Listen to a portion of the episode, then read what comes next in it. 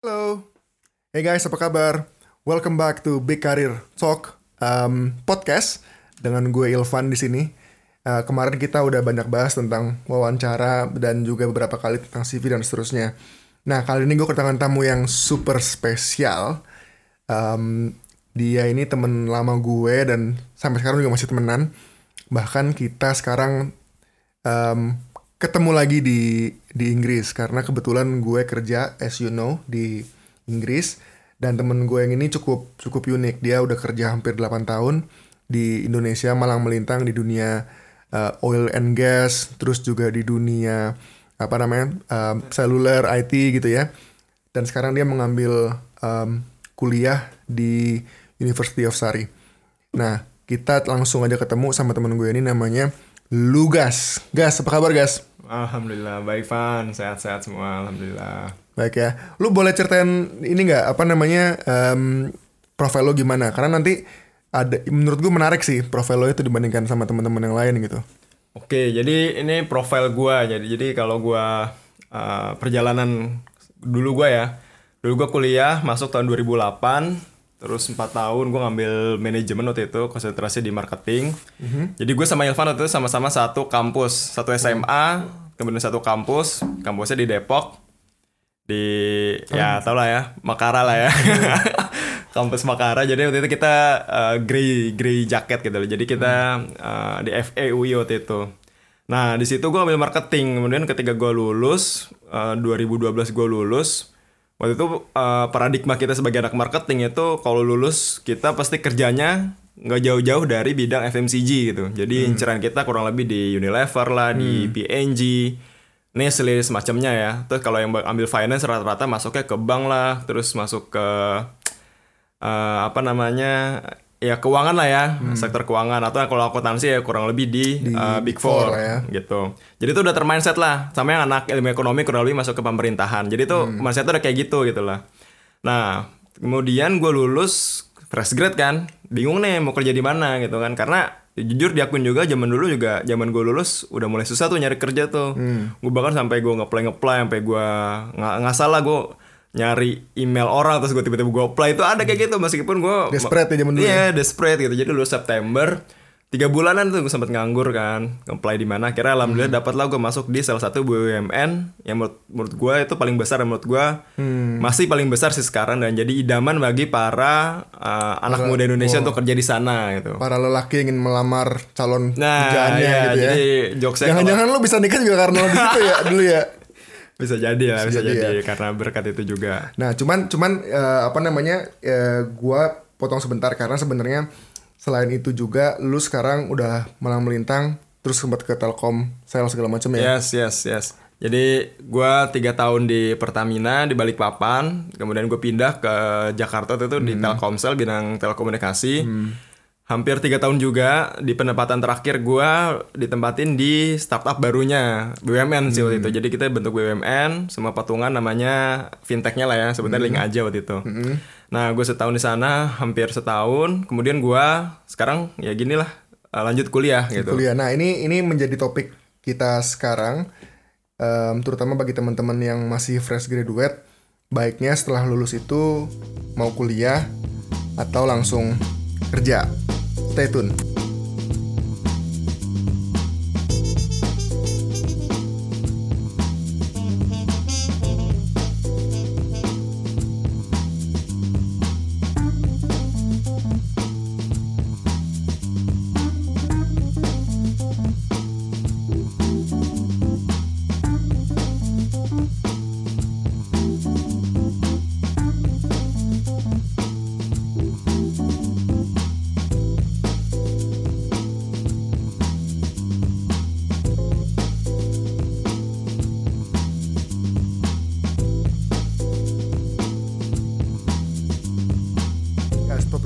Kan sebenarnya adalah habis kuliah selesai lu lanjut S2 atau langsung kerja.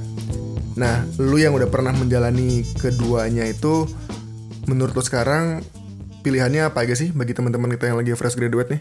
Oke Van, jadi tadi kan lo mention baru dua nih. Nah versi gua nih ada tiga sebenarnya. Wah. Jadi kurang satu lo sebenarnya. Menarik nih. Menarik kue. Apa? jadi lo udah nyebut ada kuliah, kerja, kurang satu, nikah. Widih, berat. Jadi biar biar genap itu jadi KKN kan. Kan sekarang lagi happening nih KKN kan desa penari ya. Widih. Yang ngikutin gue bro. Oh, ya, Jauh deh. soalnya. Oh iya. Jadi menurut gua eh, bagi fresh grad nih ya. Jadi kita masuk ke yang pertama deh yang gitu, kerja kan. Sebenarnya fun fun aja kerja. Gue juga dulu baru lulus itu langsung kerja gitu kan. Hmm. Nah apalagi sekarang menurut gua relatif lebih banyak ya pilihannya dibanding dulu gitu kan. Ya. Seperti tadi yang gue bilang, dulu gua mindsetnya masih terkotak-kotak tuh marketing ke Unilever dan semacamnya. Tapi sekarang kan udah banyak nih, udah ada startup lah gitu. Hmm. Bahkan lapangan kerja yang tadinya Unilever mungkin bisa jadi pindah ke startup dan semacamnya gitu. Ya. Jadi menurut gue ini enak banget Atau bagi mungkin BUMN lah ya. Yes, dari BUMN ya bisa ke startup atau semacamnya. Hmm. Jadi ini menurut, menurut gue opportunity yang bagus banget buat para fresh grad di sana. Kemudian abis ker- selain kerja, lo juga bisa pilih kuliah nih yang kedua. Nah, kuliah tuh menurut gue sekarang udah relatif sangat enak gitu. Kenapa? Karena akses informasi udah bisa diakses di mana-mana gitu kan. Gue inget bu dulu zaman dulu tuh kalau mau nyari internet tuh mesti ke depan lapcom tuh. Nah, inget nih lo ya ada Iya, wifi ya ada wifi. di kampus. Nah, sekarang kan lo bisa dari HP atau atau ngopi-ngopi kan ngopi gaul, ngopi gaul udah banyak sekarang nih kayaknya. nah, lo bisa akses informasi, nyari beasiswa tuh juga udah banyak dibanding zaman dulu gitu. Iya. Zaman dulu mungkin beasiswa masih ya, super semar ya. Tau gak super, Super semar? Semar. Nih kalangan kalangan yang ngerti kan super semar nih. Tua banget, tua banget super semar. Jadi sekarang udah ada LPDP, terus ada uh, chevening dari pemerintah UK, ada Fulbright, ada EOSA, jadi udah banyak banget pilihannya. Nah, yang terakhir nih nikah gitu, menurut gue yang relatif relatif agak susah nih. Bukan lebih gampang ya? Oh bukan belum tentu nih karena lo mesti ada dua kesepakatan di sini. Pertama lo udah siap, jangan-jangan ceweknya yang belum siap gitu kan. Atau jangan-jangan emang lo gak punya calon nih. Cuma ngarep doang. Iya, jadi itulah bisa dibilang KKN lah gampangnya lah ya menurut versi gue kuliah, kerja atau nikah. Nikah. Nah, gas gue pengen tahu sebenarnya dari pengalaman lo pribadi gitu. Kalau gue ngelihat CV lo nih, kalau gue jadi apa namanya employer gitu ya, gue ngeliat lo udah kerja 8 tahun di Pertamina, terus juga kerja di Telkomsel. Nah, sekarang lo em, kuliah gitu. Kenapa sih lo ngambil decision seperti itu dan sebenarnya backgroundnya apa gitu? Kalau lo boleh boleh sharing. Karena menarik karena banyak kan orang mungkin ya kuliah dulu baru kerja atau mungkin ya kerja setahun dua tahun baru ku- kuliah lagi gitu. Ini kan lo udah cukup ya lo udah cukup nyaman lah dalam posisi yang cukup manajerial juga gitu kan. Nah kenapa tuh kalau kalau lo boleh share? Oke, Evan, thank you. Jadi ini gue lebih ke arah sharing aja dari gue pengalaman gue. Pertama itu ketika gue lulus itu, gue lulus September 2012 waktu itu kan. Nah, emang waktu itu dari segi keluarga gue ekonomi emang menuntut gue untuk ya mesti nyari kerja gitu karena gue juga nggak mau lama-lama ngeberatin eh, bokap nyokap gue lah ibaratnya kan ya jadi gue mutusin emang buat kerja. Waktu itu belum ada pikiran mau lanjut kuliah. Ada sih cuman kayak belum jadi urgensi bagi gue gitu. Jadi emang lu mesti bikin ada antara important sama urgensi gitu. Lu mesti atur lah antara dua itu. Akhirnya gue berusaha untuk kerja, gue ngeplay ngeplay sampai akhirnya dapat panggilan di setelah tiga bulan tuh nyari nyari kerja Januari lah Januari 2000 2013 gue mulai masuk kerja di Pertamina waktu itu. bukan Pertamini ya Oh bukan Pertamina. Pertamina yang lebih gedenya ya. Pertamina kan yang banyak pinggir jalan.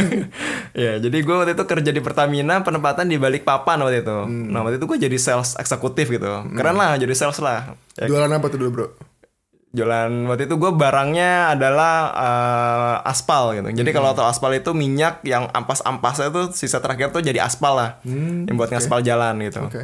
Nah gue di balik papan megang megang tanggung jawabnya sekalimantan gitu. Jadi lu bayangin gue sendirian di sana anak baru terus gue punya job desk jualan sekalimantan gitu. Jadi menurut gue sangat challenging gitu. Nah menurut gue di sini karena gue anak baru dan sales dituntut untuk self improvement lebih cepat gitu karena lu tanggung jawabnya besar targetnya Iya. kejualan kan.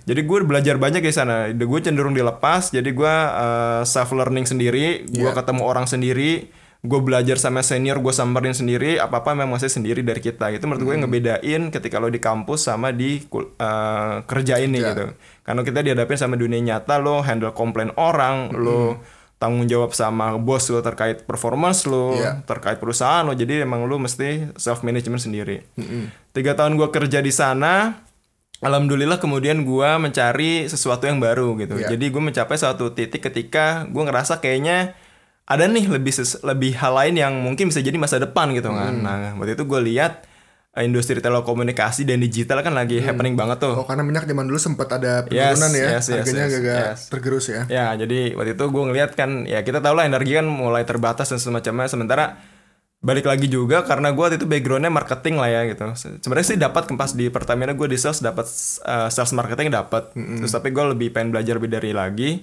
Kayak gue coba nge-apply ke industri telekomunikasi sama-sama BUMN gitu. Nah ini menurut gue salah satu challengingnya gitu. Karena keputusan bagi seorang anak muda yang cabut gitu lah dari BUMN terbesar itu adalah berat terutama bagi kedua orang tua atau keluarga lo gitu. Iya iya iya. Jadi gue coba cari win-winnya gimana, terutama ke nyokap ya, karena kan ya gue bisa sejauh ini karena dari doa nyokap dan bokap juga. Jadi gue coba deal with it, gue ngobrol sama nyokap, ini pilihannya Telkomsel masih sama-sama BUMN, jadi at least buat uh, men- menyamankan orang tua gue lah bahwa ya kita tahu lah BUMN nyaman lah bisa dibilang benefitnya semacamnya dan kerjaannya gitu. Jadi gue coba yakinin ini dari segi benefit masih oke, dari segi learning gue masih bisa dapat, bahkan Iya. gue masih bisa belajar ilmu baru di situ. Iya. Jadi 2016 gue pindah Telkomsel, di situ gue penempatan di eh, bisnis barunya gitu, bisa dibilang kayak eh, projectnya lah. Waktu itu zamannya masih Tikes sebutannya. Hmm. Jadi agak unik kan, eh, telco tapi ngurusnya di bidang paymentnya. Nah di Tikes gue 2016 gue ngehandle eh, bagian mikro. Jadi kalau lo tahu Tikes tuh ada yang lifestyle yang ngurus kayak merchant-merchant Iya. McDonald yang besar-besar. Nah gue di segmen mikronya. Jadi lo segmennya lebih mulia menurut gue. Jadi kayak kerja lo kayak ibadah lah. Kenapa ibadah? Karena kita di satu sisi juga ngedukung program pemerintah nih. Apa itu? Yakni uh, mencoba financial inclusion. Jadi kalau tahu di desa-desa gitu kan kita ngeliat kayak kakek nenek itu masih nyimpan uang tuh di bawah bantal gitu kan. Iya. Nah, gimana kita cara uh, mengenalkan mereka dengan uang elektronik pertama waktu itu. Jadi itu menurut gue kerja mulia banget. Nah, di situ gue belajar banyak. Jadi gue yang tadinya backgroundnya ibaratnya anak marketing kan maksud pakai PowerPoint lah terkenalnya ya. Nah di sini mau nggak mau lo dituntut belajar megang Excel lah, megang SQL, megang query, megang data, yang mana itu hal baru bagi gue. Iya. Apalagi lingkungannya waktu itu emang semuanya serba kuantitatif, jadi lo nggak bisa asal ngemeng, lo mesti based on data. Nah di situ gue belajar gimana cara critical critical thinking, gimana cara ngolah data, mainin Excel dan semacamnya. Nah kemudian the transformasi satu tahun kemudian, eh dua tahun dua setengah tahun menjadi namanya link aja gitu. Jadi gue terakhir di bagian Sekarang masih ada nggak sih link aja? Oh pasti itu menjadi menjadi junjungan kita bersama gitu, menjadi andalan kita. Itu sama nggak sih sama OVO gitu-gitu? Eh, more or less kurang lebih sama. Jadi ya mungkin memang beda beda company-nya aja. Cuman kita sama-sama tujuannya adalah untuk uh, financial inclusion Indonesia gitu sih. Hmm, Bagus, bagus, bagus, bagus. Kan lo udah cerita tadi tuh, lo udah, punya pengalaman 8 tahun lah. Dan gue sih ngeliat secara karir udah udah bagus banget lah gitu ya. Em, yang mana sebenarnya kalau lo lanjutin mungkin lo udah udah bisa lebih lebih oke lah ke depannya. Dan sekarang lo kuliah gitu. Ngapain sebenarnya lo kuliah kalau emang lo sebenarnya bisa bisa lebih bagus di kerjaan? Coba lo boleh share nggak? Oke, jadi ini gue bagi ya, jadi dari bagi dua. Pertama tuh dari segi internal, sama kedua dari eksternal. Nah, pertama dari internal, internal tuh dari diri gue pribadi. Gue tuh emang nargetin gue mesti lanjut kuliah S2 tuh sebelum usia gue 30 tahun. Nah, gue 2020 nih usia 30 kan. Tahun dah usianya deh. Tahun angkatan berapa kan? Berapa? Makanya gue alhamdulillah karena target yang udah gue tetapin itu gue 2019 berangkat tuh waktu itu. Jadi umur gue pas 29 tahun gitu. Jadi alhamdulillah masih dalam jangkauan target lah. Ini menurut gue jadi emang kita mesti nargetin itu ya. Kita mesti punya target dalam hidup kita gitu. Jadi jangan sampai suatu saat kita udah nyaman dengan kehidupan kita sehingga kita lupa nih target-target yang udah kita susun life plan kita sebelumnya. Nah kedua tuh yang tak lain atau kurang adalah untuk self development gue gitu. Jadi di sini emang kita masih berani untuk men-challenge status quo diri kita gitu. Jadi kita mesti sering-sering di recharge lah gitu. Misalnya sebenarnya bisa aja sih kalau lo emang nggak nggak mau kuliah tapi lo bisa ningkatin skill atau knowledge lo misalnya dengan baca buku, ikut training dan semacamnya. Cuman bagi gue pribadi mungkin ini bisa kasih feedback juga atau buat gue pribadi eh kuliah itu menurut gue eh, sebuah paket yang cukup lengkap gitu. Ter- terutama kalau lo kuliah di luar gitu. Kenapa? Pertama ini bisa menjadi life changing experience gitu lo ketika lo kuliah di luar ya kita belajar lah yang pasti ilmu dapat. Kemudian yang kedua yang tak kalah penting adalah lo bisa belajar bahasa orang lo bisa tahu gimana cara orang berpikir sehingga itu buka wawasan cakrawala berpikir lo. Lo bisa mengenal hal-hal baru kayak misalnya gue baru tahu nih cara naik tube di London tuh kayak gimana. Kemudian kita bisa benchmark juga dengan uh, oh oh ternyata nih UK udah kayak gini sistemnya nah itu kan bisa jadi benchmark juga kan bagi kita kan itu Nah sebelum lo jawab yang eksternal, mungkin gue mau coba ngasih pertanyaan menohok juga buat lo gitu. Emang lo nggak sayang lo udah punya segitu banyak pengalaman, lo tinggalin semua gitu. Ya lo bisa lanjut lagi sih kerja habis lo pulang, cuman setahun kan waktu yang lumayan juga yang lo harus tinggalkan gitu. Lo nggak mikirin itu apa? Nah, ini balik lagi tergantung ke mindset lu nih, Van gitu. Jadi emang ini uh, game of mindset sih ya. Ya. Karena karena bagi gue menganggap pendidikan ini sebagai investment gitu. Ya. Nah, once lo nganggap itu sebagai investment, jadi menurut gua nggak ada yang rugi dari itu semua gitu. Meskipun lo sudah melewati satu tahun lo buang gitu kan, tanda Ya. kutip ya buang ya. Jadi gua menganggap uh, uh, apa akademis atau pendidikannya sebagai sebuah investment bagi long term karir gua ke depannya. Justru ibaratnya gua udah 8 tahun berkarir, terus kemudian gue satu tahun vakum ya kuliah lagi. Tapi ini menurut gua, gue yakin ini akan menjadi value added bagi gua di long term gitu sih. Walaupun lo mungkin juga sekarang belum tahu kan, lo bakal kerja di mana industrinya, gimana gitu. Lo khawatir nggak sebenarnya pas lo pulang lo bakal bakal gimana gitu? Khawatir sih pasti ada ya gitu kan. Terutama kan apalagi ya Indonesia yang pengalaman apa S1 gua pas lulus itu tiga bulan nganggur masih, masih menghantui gua lah ya. Cuman ya gua masih berpikir positif kalau dengan gua menuntut ilmu di sini gua nambah uh, skill, knowledge dan juga experience apalagi nambah ada gelar bahwa magister gelar S2 sarjana gitu kan. Itu menambah value added bagi gua gitu dan gua insya Allah ya uh, udah punya planning lah terkait hal itu gitu. Ya intinya rezeki nggak ke mana lah ya. Yes, betul. Nah, lu tadi juga mau bilang dari segi eksternal. Lu boleh jelasin nggak eksternalnya itu kayak gimana? Oke, nah ini yang dari segi eksternal uh, lebih ke arah uh, tuntutan dari pihak luar ya di luar di luar kendali kita. Pertama, kita masih akui bahwa ketika kita nge-apply kerja dulu kan uh, requirement-nya mungkin zaman dulu banget misalnya cuman SMA gitu.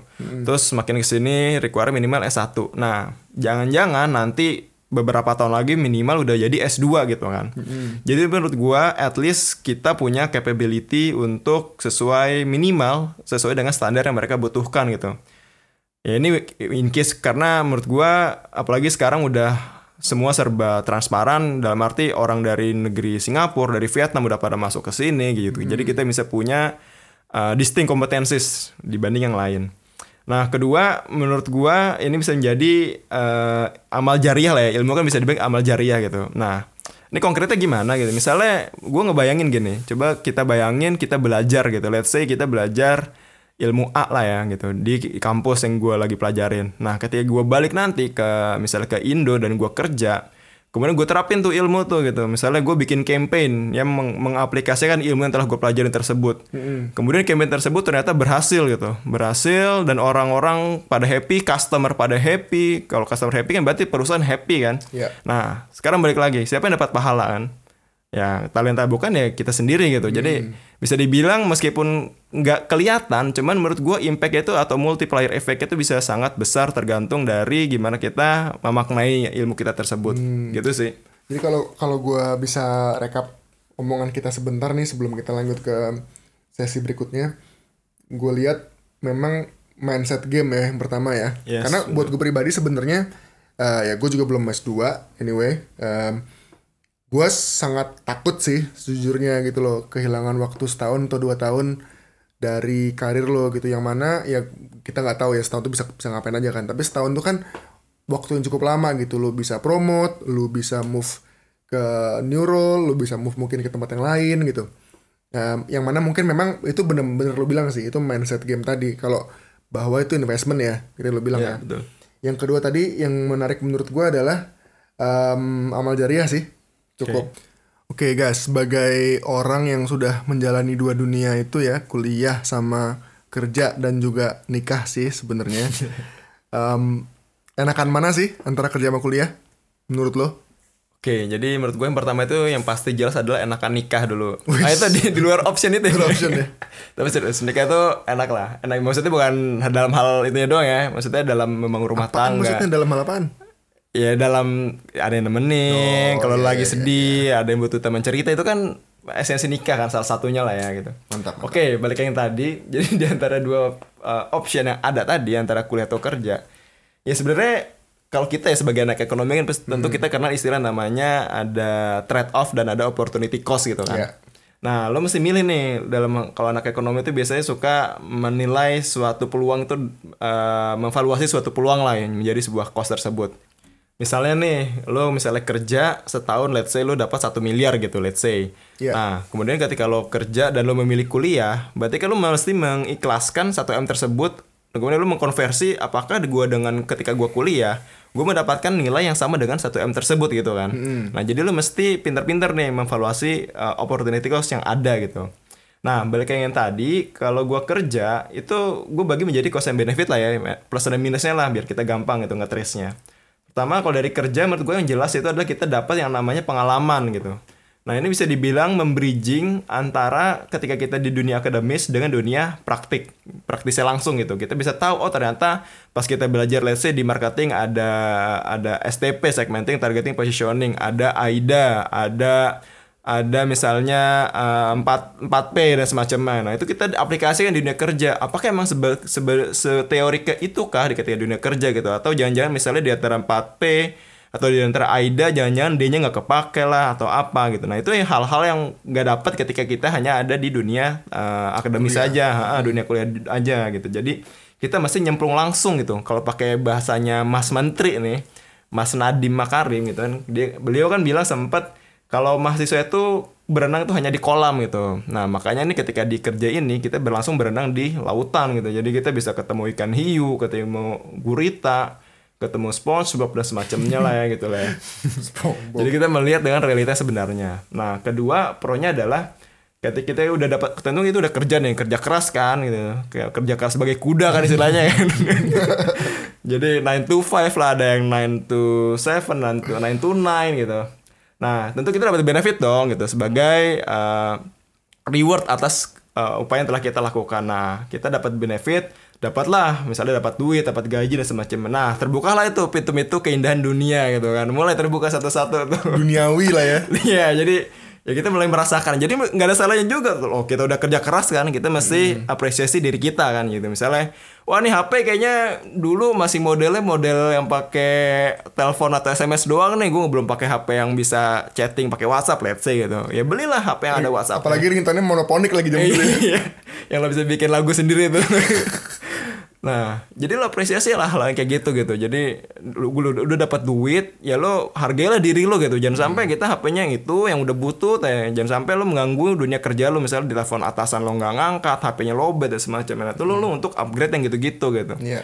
Oke ada hal lain konsumtif cuman ya karena gue bukan pakar keuangan atau finansial jadi ya lo bisa belajar sendiri lah ya gitu.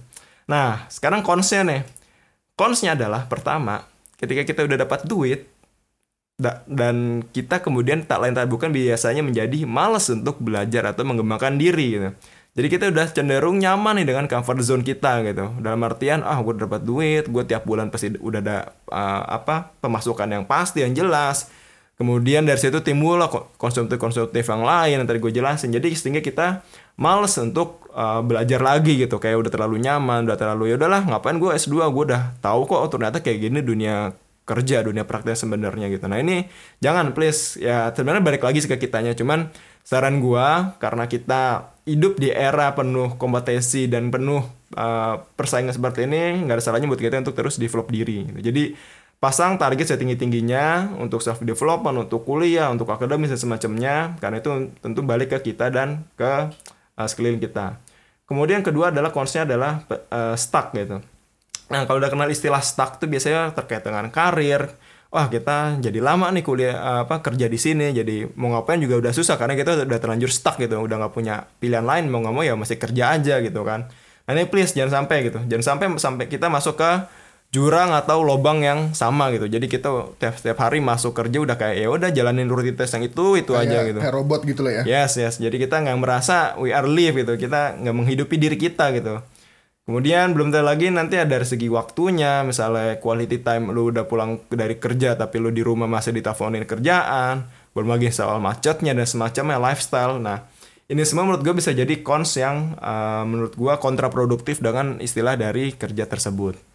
Nah, sekarang kita masuk yang ke kuliah nih.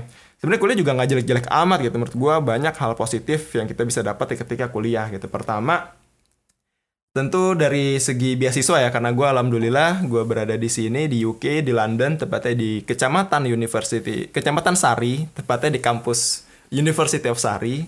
Bukan London berarti bro. ya London coret lah ya.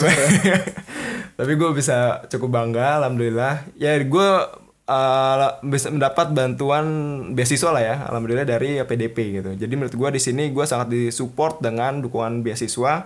Alhamdulillah cukup banget dan sangat nyaman bisa buat fokus untuk belajar bisa buat nabung juga dan juga untuk bisa mencukupi kebutuhan sehari-hari Kemudian kedua adalah kita menambah ilmu gitu. Dalam arti ketika gue ngambil S2 atau master degree gitu kan. Berarti kan istilahnya master nih. Which is master itu kan adalah menguasai suatu hal di bidang tertentu gitu kan. Jadi kita sudah semakin lebih concentrated gitu. Lebih fokus. Dan kita mendapat master berarti kita diakui kita master di bidang tersebut gitu. Yang mana tadi gue bilang menambah value added kita dan menambah distinct kompetensis kita dibanding yang lain. Kemudian yang ketiga adalah ketika kita kuliah, apalagi misalnya kayak gue kuliah di luar negeri, itu membuka cakrawala berpikir kita. Kita menjadi lebih open minded, mengenal budaya orang. Oh ternyata misalnya orang Italia itu sukanya kayak gini loh gitu. Oh ternyata orang Korea tuh sukanya kayak gini gitu. Nah ketika kita diskusi itu uh, terjadi pertukaran dua ide gitu atau at least diskusi diskusi yang paling gampang lah gitu kayak misalnya gue tuh kalau misalnya di Korea itu gue misalnya kalau bangun pagi tuh nggak suka makan nasi gitu misalnya. Nah balik lagi beda kan sama gue gue tuh suka makan nasi. Bahkan kalau orang Indonesia bangun langsung nasi telur rendang gitu let's say kan. Itu kan udah jadi hal yang berbeda menjadi ilmu bagi kita. Itu yang gampangnya lah sehari-hari gitu. Obrolan recehnya bisa dibilang ya gitu. Jadi banyak hal yang menjadi uh, apa ya uh, diskusi atau bertukar pikiran dengan orang-orang lain di sini. Yang pasti adalah di sini kita belajar mandiri banget, uh, self management. Kita mesti ngatur waktu kita karena di kuliah ini waktunya cenderung cukup lowong gitu. Kayak gue misalnya sehari tuh kuliah cuma sekali doang gitu. Jadi gue cukup kuliah cuma satu pelajaran, biasa cuma tiga jam, hmm. selebihnya gue bebas. Jadi kita mesti pintar-pintar ngatur waktu gitu, ngatur waktu, ngatur keuangan, ngatur kesehatan, belajar masak. Gue di sini juga belajar masak nih, gue udah hmm. jadi jago loh, udah jadi master chef di sini kali. Padahal masaknya nasi telur. Gitu. Nah, sekarang konsnya pertama tadi ya, kalau konsep opportunity cost yang tadi, mau nggak mau kita ngerelain waktu satu tahun kita hilang uh, nih di dunia kerja kan, berarti kan secara secara direct impact-nya karir kita mungkin bisa dibilang telat gitu kan. Oke, okay, nggak apa-apa telat, cuman ya tadi lo mesti mitigasi dengan uh, planning-planning lo after uh, lulus nanti gitu. Kemudian concern kedua adalah kadang-kadang kalau kita udah kuliah di apalagi di negeri orang itu kita suka terbawa euforia gitu kan. Hmm. Kayak gue baru dapat beasiswa, woi gue dapat nih beasiswa nih. Dan udah kita udah kebayang ya mau nanti gue di luar negeri mau ngapain, gue mau nonton bola, gue mau ikut konser mana, gue mau hmm. apa. Nah itu kadang-kadang suka kita larut dalam kebahagiaan tersebut sehingga kita seakan lupakan esensi dari kuliah kita. Sebenarnya itu ngapain sih kita kuliah gitu. Padahal sebenarnya lo di sini ya buat kuliah kan yes, sebenarnya kita kan, sebenarnya belajar kan abdi ilmu balik ke kontribusi ke negara let's say gitu kan. Cuman banyak juga gue lihat teman-teman kita tuh yang terlalu larut dalam euforia ini. Jadi ya dia misalnya yang hangout nongkrong kerjanya dan semacamnya gitu. Itu negatifnya lah ya bisa dibilang ya jadi ya menurut gue nggak ada salahnya juga bagi kalian untuk coba kuliah karena lebih banyak positifnya kalau kalian lebih memaknai dan alhamdulillah gue ngerasain itu sekarang jadi gue bisa sharing ilmu ini. Oke terakhir nih guys, kalau lu boleh kasih saran dan rekomendasi ke teman-teman kita yang fresh graduate atau baru mau lulus, mending abis lulus langsung kuliah atau kerja dulu? Oke Van, ini based on experience gue ya. Mm -hmm. Jadi gue bisa simpulin adalah menurut gua kerja dulu baru kuliah. Oke. Okay.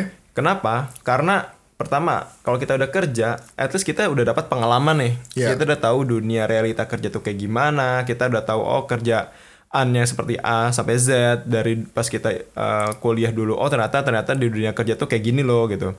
Kemudian lebih jauh adalah kita bisa explore nih.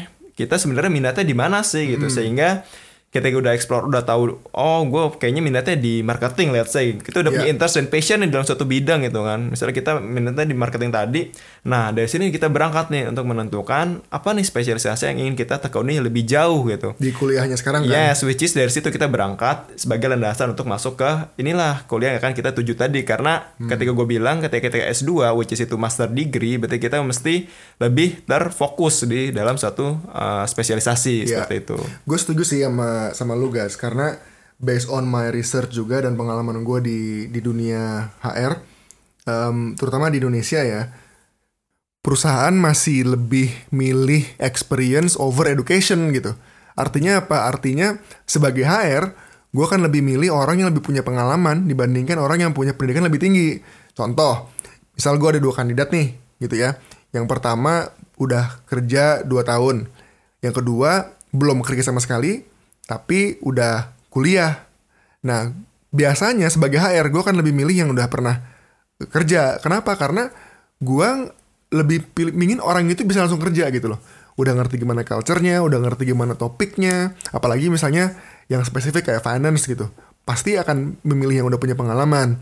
Nah, tetapi kalau misalnya nih gue compare dengan case lo nih guys gitu ya. Lo udah kerja 8 tahun, berbagai experience, plus sekarang lo eh, kuliah nih. Ada lagi nih satu kandidat lagi misalnya. Eh, sama-sama 8 tahun kerja sama-sama beda beda industri tapi nggak kuliah. Pastinya gue milih lo. Kenapa? Karena lu punya value edit value editnya adalah udah punya udah udah kerja cukup lama plus kuliah. Yang satu lagi kerja doang. Nggak ada kuliahnya gitu. Nah itu kerasa banget Evan. Ketika gue kuliah sekarang ini dengan gue pengalaman kerja gue 8 tahun itu gue kerasa banget ketika ada diskusi-diskusi di kelas itu gue bisa mengkaitin dengan apa yang telah gue uh, lakukan pas zaman kerja dulu gitu loh. Jadi diskusinya bisa lebih hidup karena ketika gue diskusi gue bisa stand out dan memberikan opini based on experience gue. Nah itu beberapa dosen jadi waktu itu kita ada emang kalau di master di luar negeri itu rata-rata uh, mostly discussion group lah ya gitu. Iya. Jadi open discussion dan gurunya juga men-trigger buat discussion. Nah itu sangat merespek gitu dan sangat oh ternyata dia mendapat ilmu baru gitu karena gue membawa apa yang gue pernah alami selama kerja di Indonesia itu gitu. Nah terus beberapa kampus terutama business school nih Van itu juga kalau gua cek itu rata-rata mulai nih me- menaruh requirement minimal ada 2 sampai 3 tahun pengalaman kerjanya gitu. baru bisa kuliah di business school itu ya Yes, yes. Karena karena menurut gua basic lagi eh, kembali bahwa mereka juga membutuhkan eh, experience-experience yang buat eh, menjadikan diskusi atau bertukar pikiran itu menjadi lebih smooth gitu menurut gua ada. Nah, menurut gue juga tapi nih gue juga rasa eh, 8 tahun pengalaman kerja gue juga menurut gue agak kelamaan sih sebenarnya gitu. Hmm, ya gitu. alhamdulillah baru dapat rezeki sekarang sih. Cuman tapi bagi- menurut lu menurut lu idealnya nih berapa tahun tuh Nah, bagi adik-adik atau teman-teman yang lagi nyari kuliah dan sambil kerja, menurut gue minimal at least 3 sampai 5 tahun menurut gue udah cukup banget gitu. Kenapa? Karena gue rasa pe- periode 3 sampai 5 tahun itu adalah periode kita sudah mulai menemukan ritme kerja kita, ritme uh, passion kita, ritme spesialisasi kerja kita gitu. Jadi di situ kita udah bisa mulai mutusin, wah kayaknya ini passion gue nih. Oke, berarti gue mesti nyari kuliah yang sesuai dengan ini gitu. Karena Iya. kalau lo ngambil kuliah tapi lo nggak sesuai sama background atau sama passion lo itu menurut gue agak berat gitu nggak tahu gue orangnya mesti yang pas gitu yang cocok gitu. Gitu sih. Tapi tapi gua ini ini gue setuju banget sih. Apa namanya memang mungkin kalau 8 tahun ya cukup agak lama guys ya. Tapi kan tiap orang punya case beda-beda. Ya. gue setuju 3 sampai 5 tahun kenapa? Karena kalau pendapat gua kalau lu mau kuliah minimal minimal lu sudah dapat satu promosi. Kenapa kayak gitu? Karena biar lu nggak ngulang dari awal. Jadi misalnya nih lo masuk jadi analis Ya. ya. Minimal lo jadi assistant manager dulu Nah, baru lo mulai explore kuliah. Ketika lo balik, paling minimal, paling jelek-jeleknya nih, lo back lagi jadi dasar manager gitu loh. Tapi kalau misalnya lo belum belum ada promosi atau kenaikan, kemungkinan besar lo akan balik lagi jadi analis gitu. oke Jadi sebaiknya sih 3 5 tahun, 3 sampai 5 tahun tuh cukup pas dan biasanya itu momen di mana lo pernah sempet promosi gitu. Ya nggak? Betul. dapat dapat dapat Oke, eh, guys, itu aja eh, diskusi kita kali ini tentunya Lugas uh, bakal sering main ke studio gue. Siap, siap, siap. Uh, dan kita akan banyak bahas soal yang lain terutama karena Lugas juga LPDP mungkin nanti kita akan bikin series tentang LPDP gimana cara dapetinnya. Gas thank you banget guys ya. Siap. Kuy, jangan lupa uh, follow sama patengin podcast dari Ilvan juga gua selanjutnya lah ya. ya pasti. Oke thank you guys. Bye bye